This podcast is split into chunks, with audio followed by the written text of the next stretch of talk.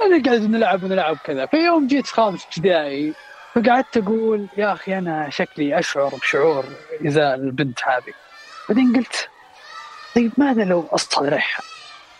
فقلت طيب خلاص خلني آه، أرسل لها رسالة. في هذه الحلقة راح نناقش فكرة الإقصاء لأن الشعور بالإقصاء والرفض من أشد التجارب المؤذية للإنسان. فليش يؤذينا بهالشكل؟ نتعرف بعد على رأي علم الأعصاب عن الموضوع. ونحاول نعرف إذا طفولتنا لها علاقة بهالمشاعر. والأهم كيف نقدر نتعامل معها. فارسلت الرساله قعدت كذا ساعتين ثلاث ساعتين ثلاث إلا والله ترسل وتقول آه، تقول وش ذا الحركات وتراك توك بزر وأنا ما أعتبرك أحد يعني أنت أنا هنا تحطمت يعني جاء في بالي. طيب ذكرياتنا نلعب مع بعض. ما كنت تبين تلعبين معي؟ أنا محمد الحاجي وهذا بودكاست آدم من ثمانية لفهم أنفسنا وفهم الآخرين سعيا لحياة أفضل.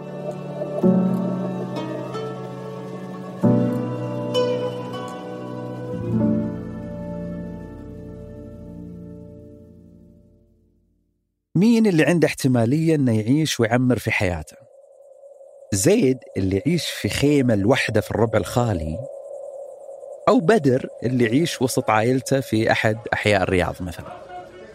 في الغالب وفي الوضع الطبيعي كل الحسابات تصب في صف بدر اللي بين جماعته في الرياض. بدر لما يمرض في أحد ياخذ الطوارئ. بدر لما يحتاج أكل في أحد يعطيه. بدر لما يغيب في أحد ينتبه لعياله. بدر يقدر يستمد الحماية من الآخرين ويتبادل المنافع اللي تبقيه على قيد الحياة ويستمر نسله في هذا الكوكب. لكن زيد اللي يعيش الحالة وبعيد عن الناس يا عزتي له. أقل شيء يصير له قد يقتله ويقضي عليه في لمحة عين. حتى على مستوى النفس بدر يقدر يحقق مكاسب نفسية أكبر. يقدر يحقق أعلى قمة في هرم ماسلو لحاجات الإنسان وهي تقدير الذات والاحترام والثناء والإحساس بالانتماء. هذه كلها مكتسبات ما تجي إلا بوجود الآخرين.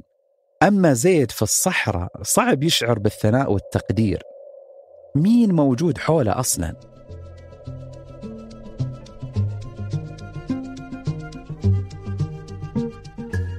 هذه الحاجة الماسة للانتماء برمجت دماغ الإنسان عصبيا على أهمية أنه لازم يكون مقبول من الآخرين وخلته يخشى كل أنواع الإقصاء.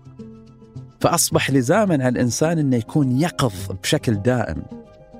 تشكلت عنده أداة ذهنية تساعده على تقييم مشاعر الآخرين.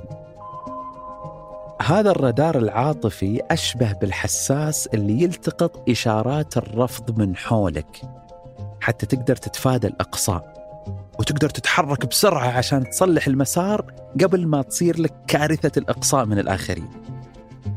أنا دائما يعني ما أحاول أني أتجاوز الموقف أني أعالجه بشكل سريع أنه أوكي يلا آه، ما اتفقنا ببساطة نقدر أقدر أتفق مع ناس آخرين يعني وهذا اللي يصير دائما.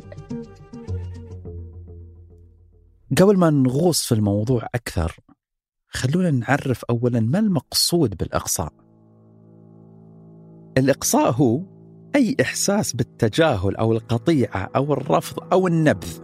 لا لا في الحقيقة الإقصاء حتى أوسع من كذا. الإقصاء هو أي شعور عندك بنقصان الانتماء للجماعة حولك سواء هذه المشاعر حقيقية أو تخيلية صريحة أو ضمنية. يعني أثر الإقصاء على نفسيتك بيكون متشابه في حال مديرك ذكر لك بالحرف الواحد إنك شخص غير مرحب به في الاجتماع مثلا أو إنك استنتجت إنك شخص غير مرحب بك بسبب برودة تعامل المدير معك. جسمك ومشاعرك بتتفاعل مع الإقصاء بنفس الطريقة. سواء أحدهم عمل لك بلوك بشكل صريح أو يتأخر في الرد عليك واستنتجت إنه يتجاهلك. وهذا خطر الإقصاء فالإنسان ولأجل أن يحمي نفسه بالغ في صناعة الرادار وأصبح حساس جدا في ترجمة سلوك الآخرين. أنا لما كنت في الثانوي آه، كان كونا آه، شلة. فكانت الشلة ما هي كبيرة تعتبر. آه، كانت عبارة عن أنا وثلاث يعني ثلاث صديقات غيري. ويعني كنا مرة دائما مع بعض نروح نطلع ناكل مع بعض نفطر سوا نحل الواجبات سوا نسوي المشاريع سوا. كنت أحس إنه بالامتنان والفخر إني معاهم. أه وقتها كان نازل الآيفون الجديد وكذا شريته فكنت يعني كان تو نازل يعني حتى ما كمل شهر وشريته. كان هذا الشعور إني شريت iPhone جديد وجوال جديد وكانت يعني آخر ترم في الثانوي. فقلت يعني كانت توها طالعة هبة الجروبات. فكان عندنا الجروب الكبير حق الفصل كامل وفي جروب حق الدفعة كاملة بس ما كان في جروب لنا حنا كشلة. فقلت ليش يعني ما نسوي جروب؟ يعني خصوصا إن بعض الأحيان هم يجيبون أكل وأنا أنحرج. يعني موضوع إنهم يجيبون أكل وأنا ما أجيب شيء. آه، فقلنا خلاص يعني نجيب نسوي جروب ويصير كذا التواصل أحسن نقدر نشارك هنا كل شيء. سويت هذا الجروب.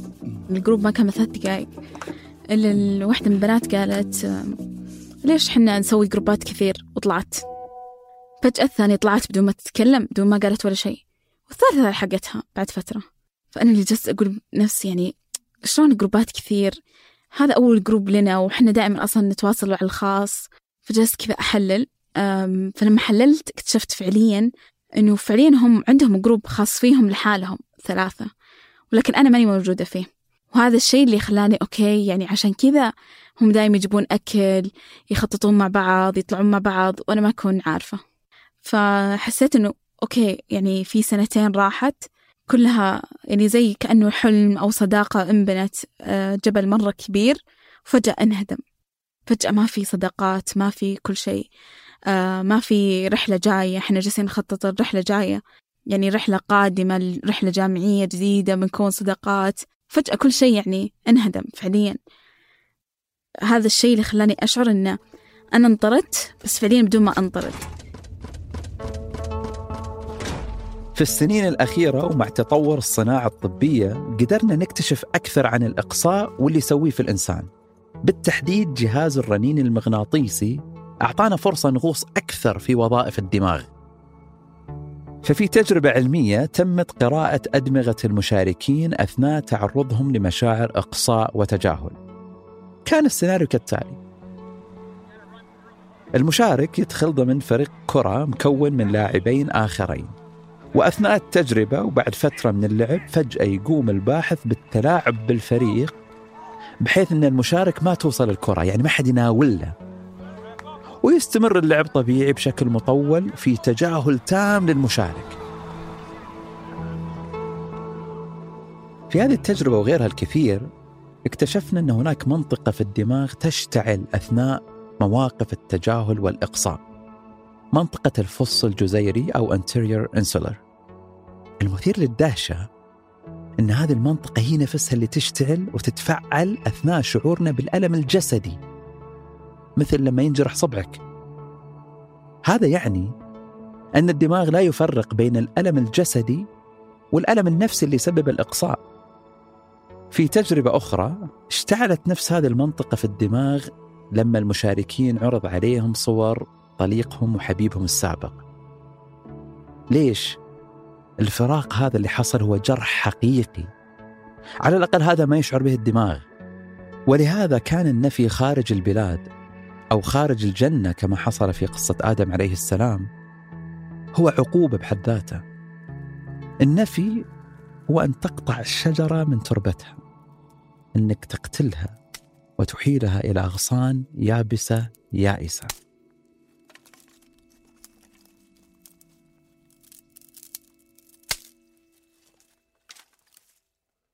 ومثل ما الناس تتفاوت في تحملها للألم الجسدي كذلك في تفاوت بيننا في حساسيتنا تجاه ألم الرفض. في ناس لديهم تحمل عالي للرفض. وهو يعني موقف عادي المفترض إنه خلاص قدمت وجاك رفض ف يعني المفترض إنه ما يولد أي شعور. فبالتالي لا يعيشون نفس القلق والظمأ والإحباط. تشوفهم أكثر ثباتا في التعامل مع مواقف الإقصاء. تمر عليهم هالمواقف بردا وسلامه أتوقع إنها من التربية لأن لما كان يصير لي موقف في المدرسة أو يعني مثلا رحلة مدرسية واسمي ما يكون مدرج فيها فأرجع أقول لأمي إنه مثلا ما حطوني معاهم مدري إيش فتقول لي إنه عادي الجايات أكثر فتعودت إنه أمي حتى تسهل لي كل الأمور توريني إنه ما في مشاكل تسوى إني أتضايق عشانها. فهذه العقلية استمرت معي وإلى الآن أنا زي كذا. على الضفة الأخرى هناك من يعيش تحت سطوة الإقصاء بشكل كبير. تشوفه يتحسس من كل لفتة وتشوفه يبالغ في تفسير المواقف بشكل سلبي. مثلا هذا الشخص لو ينشر منشور في شبكات التواصل ولا يحصل على عدد كبير من التفاعل مثل لايكات أو رتويت تجده مباشرة يدخل في دوامة انخفاض الثقة بالنفس. وتبدأ في مخيلته سيناريوهات الإقصاء وأن قيمته انخفضت وأنه على شفا حفرة من النبذ. فبالتالي لا غرابة أن هناك عدد كبير من المستخدمين يحذفون منشوراتهم اللي ما تحقق مستوى عالي من التفاعل. هذا السلوك الذي قد يبدو تافها هو رمزية لما يحدث في الحياة الواقعية كذلك. فقد يسرف هذا الشخص في ملامته وعتابه على الآخرين بمجرد أنه تحسس أن هناك بوادر رفض وإقصاء.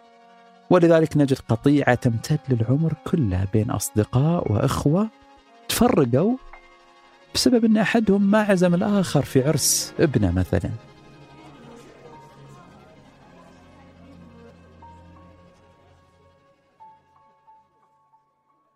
هذه الحساسية قد تصل لمستوى مرضي وهو ما يعرف بأعراض الإقصاء المفرطة. واللي ممكن تعود لأسباب وراثية من العائلة أو بسبب مواقف قاسية حصلت أثناء الطفولة مثل هجر الوالدين وتعنيفهم مما يخدش ثقة الشخص بالآخرين ويخليه يتحسس من أي إشارة توحي بالرفض والنبذ. وهذا هو أصل اضطرابات التعلق اللي يصاب بها الكثير وتأثر على حياتهم الاجتماعية وعلاقاتهم العاطفية. من أول ستة أشهر في حياة الطفل هو يستطيع أن يقرأ ويشعر بعلاقات الآخرين معه بالذات مشاعر أمه تجاهه. مشاعر هذه قد تنتج نمطين من أشكال التعلق حسب سلوك الوالدين معه. فهناك التعلق الآمن وهذا التعلق الصحي الذي يجب أن ننشئ أطفالنا عليه. تلاقي الأب يستجيب لنداءات أطفاله الأم تحترم رغبات طفلها باتزان يلبون حاجاته ويكونون دوما موجودين لخدمته في السراء والضراء. أما النمط الآخر فهو تعلق يولد لدى الطفل اضطرابات تستمر معه طول حياته. وفي هذا النوع تشوف الوالدين يتجاهلون حاجة طفلهم لا يحترمونه بل أحيانا يسخرون من نداءاته ويقابلونه بالرفض بشكل مفرط ويخذلون أثناء حاجته لهم. هذا التعامل القاسي يفقد الطفل الثقة بوالديه وهم أقرب الناس له. فبالتالي تجده يفقد الثقة بمن حوله جميعا. يكبر هذا الطفل وهو لا يستطيع أن يتعامل مع من حوله بشكل طبيعي يشعر دوما أنه تحت التهديد. ولهذا يكبر بعض هؤلاء الأطفال ليصبحوا نساء ورجالا وهم لا يستطيعون التخلي ولو لساعات عن شريك حياتهم وعن أصدقائهم. يصبحوا شخصيات متطلبة معتمدة كامل الاعتمادية على من حولهم. وهذا لأنهم اعتادوا أنه ما يقدروا يواجهوا الحياة بدون الآخرين. لم يزرع فيهم حس الأمان في طفولتهم إلى أن توقف عندهم حس الاستكشاف وصاروا ما يقدروا يعيشوا الحياة باستقلالية. وعلى النقيض هناك من يكبر وهو يتفادى الآخرين ويتفادى الالتزام ويتفادى البوح بمشاعره أصلا. لأنه تعود على التجاهل وعلى الإقصاء من والديه. تعود أن لا يؤمن بأحد. أصبح الكفر بالناس وسيلة دفاعية له. تشوفه يتجنب الآخرين ويتجنب أي علاقة جادة. لكن من حسن الحظ الآن أن مدارس العلاج النفسي تستطيع تقويم هذه السلوكيات المضطربة عبر الجلسات العلاجية مع الأخصائي النفسي المتمرس.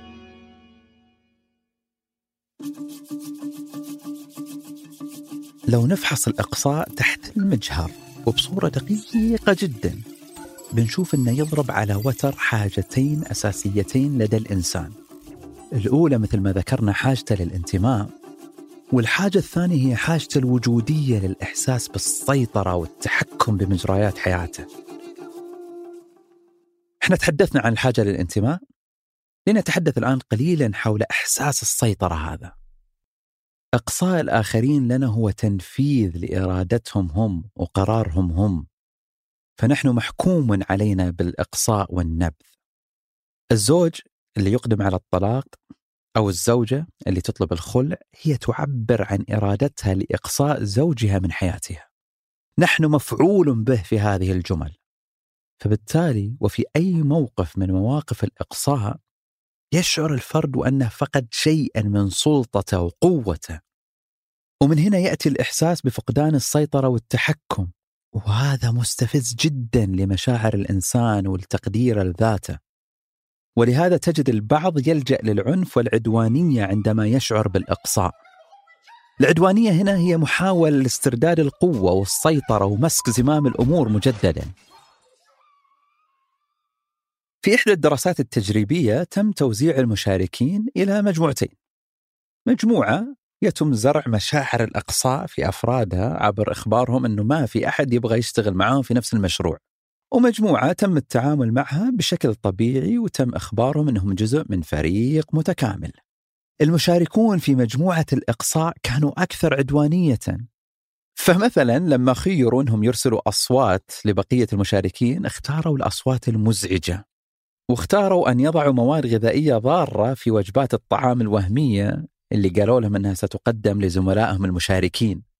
المشكلة في هذه السلوكيات العدوانية أنها تزيد من إقصاء الشخص أصلا فلا أحد يود أن يتعامل مع شخص بهذه الصفات النزقة والقبيحة فيزداد الشعور بالإقصاء أكثر وأكثر لدى هذا الشخص حتى تصل أحيانا إلى ارتكاب جرائم فظيعة مثل القتل.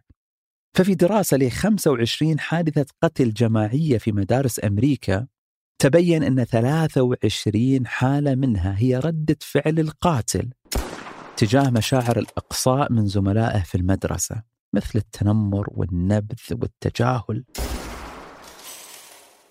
أحيانا تستطيع أن تخمن أنه سيتم إقصاؤك فلذلك تبادر أنت وبسرعة لإقصاء الآخر. وكأنما تهجم عليه قبل أن يهجم عليك. مثلا عندما تحتد العلاقة بينك وبين طرف آخر وتحس ببوادر قطيعة قادمة مثل أنه يتجاهل مكالماتك أو يستجيب لك ببرود تقوم أنت وبشكل استباقي بقطع العلاقة أصلا. هذه الخطوة الاستراتيجية هي محاولة للتحول من المفعول به إلى الفاعل من المغلوب على أمره إلى المستبد.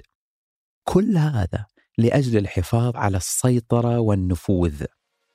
كل هذا في سبيل الحفاظ على الأنا.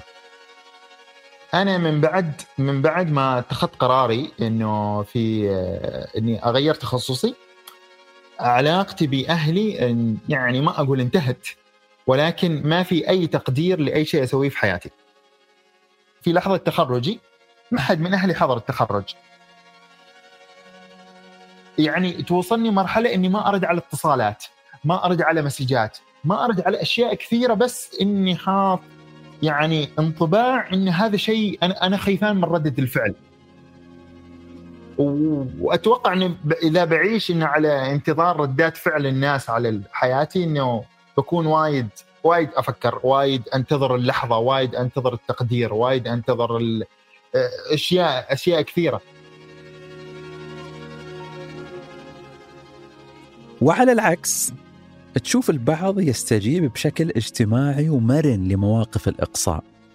تشوفه يحاول يتماهى مع الآخرين يحاول يقلدهم يطمع في إمالتهم نحوه وكسب رضاهم عنه.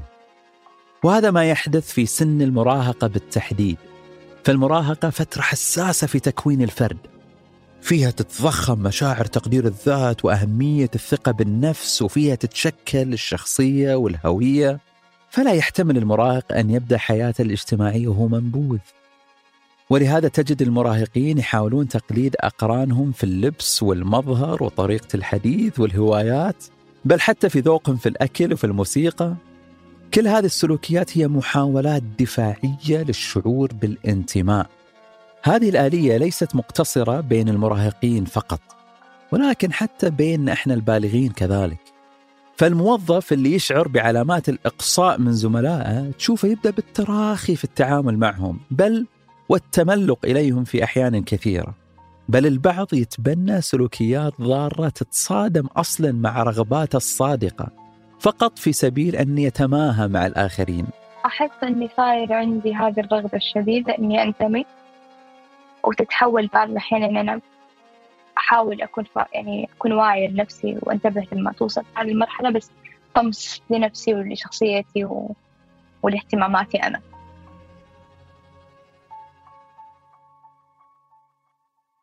هذه السيولة والميوعة في الشخصية تولدت كمحاولة لصد الإقصاء وهذا في رأيي هو المنطلق النفسي الموجود في الآية الكريمة ولن ترضى عنك اليهود ولا النصارى حتى تتبع ملتهم. أما في الحالات اللي ما يستطيع الشخص أنه يصلح العلاقة مع زملائه ومحيطه تشوفه يضطر أنه يخلق بدائل اجتماعية مثل صداقات جديدة وزملات جديدة أو يبدأ أصلا علاقات مع أشياء غير بشرية. فأحد الدراسات بينت أن الأشخاص الذين يشعرون بالإقصاء يعوضون نقص الانتماء عبر تبني حيوانات أليفة أو حتى عبر التعلق بشخصيات تلفزيونية. المهم هنا هو تعويض الانتماء المفقود. الخلاصة هنا عندما نريد تلبية حاجة الانتماء نقوم غالبا بسلوكيات التماهي والتشابه مع الآخرين ولكن قد يلجأ البعض للعدوانية كوسيلة لاسترداد السيطرة والتحكم. فنحن متأرجحون بين هذه وتلك.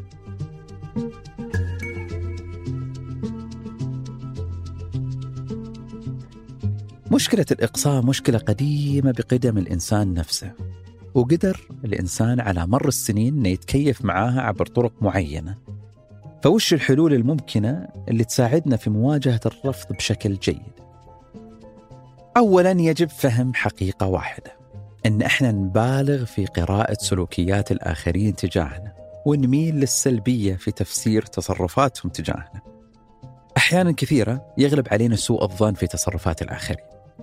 أي أننا نفسر تصرفات الآخرين أنها تحمل عداء شخصيا علينا هذه نزعة بشرية نحن مجبولون عليها إلى حد كبير فلذا وقبل أن تتبنى مشاعر الرفض اسأل نفسك هل عندي دليل قاطع حول نية الآخرين ومغزاهم؟ هل الرسالة واضحة أنني مرفوض؟ أم والله أنها فكرة كارثية تسيطر على مخيلتي فقط؟ في الغالب دماغك يحاول يدافع عنك بكل شراسة وبشكل مبالغ فيه. تذكر أن الخوف من الإقصاء هي مشاعر تولدت لدى الإنسان القديم. لما كان على الإنسان أن يكون حساس تجاه كل شيء حتى ينجو ويعيش. بل حتى وإن تأكدت من الرفض والإقصاء سواء من شخص أو من فرصة ما اجعل هذا الرفض مدخلا لبدايات أخرى. بعد ما الأشياء هذه صارت وخلصت وزي كذا وقتها إنه استوعبت إنه okay لحظة ما انتهت الحياة. أو إنه ما خربت يعني الدنيا. عادي. يعني بعدها صرت أحس إني بديت أستوعب إنه دائما أقدر أسوي alternative plan.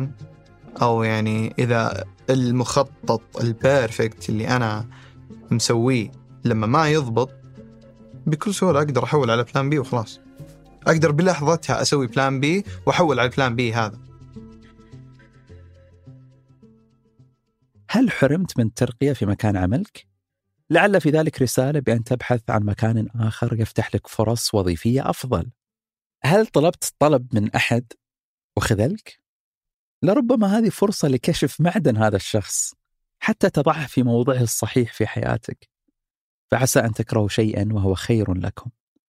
شخصيا في آلية أستدعيها كل مرة يتسلل شعور الإقصاء إلى نفسي.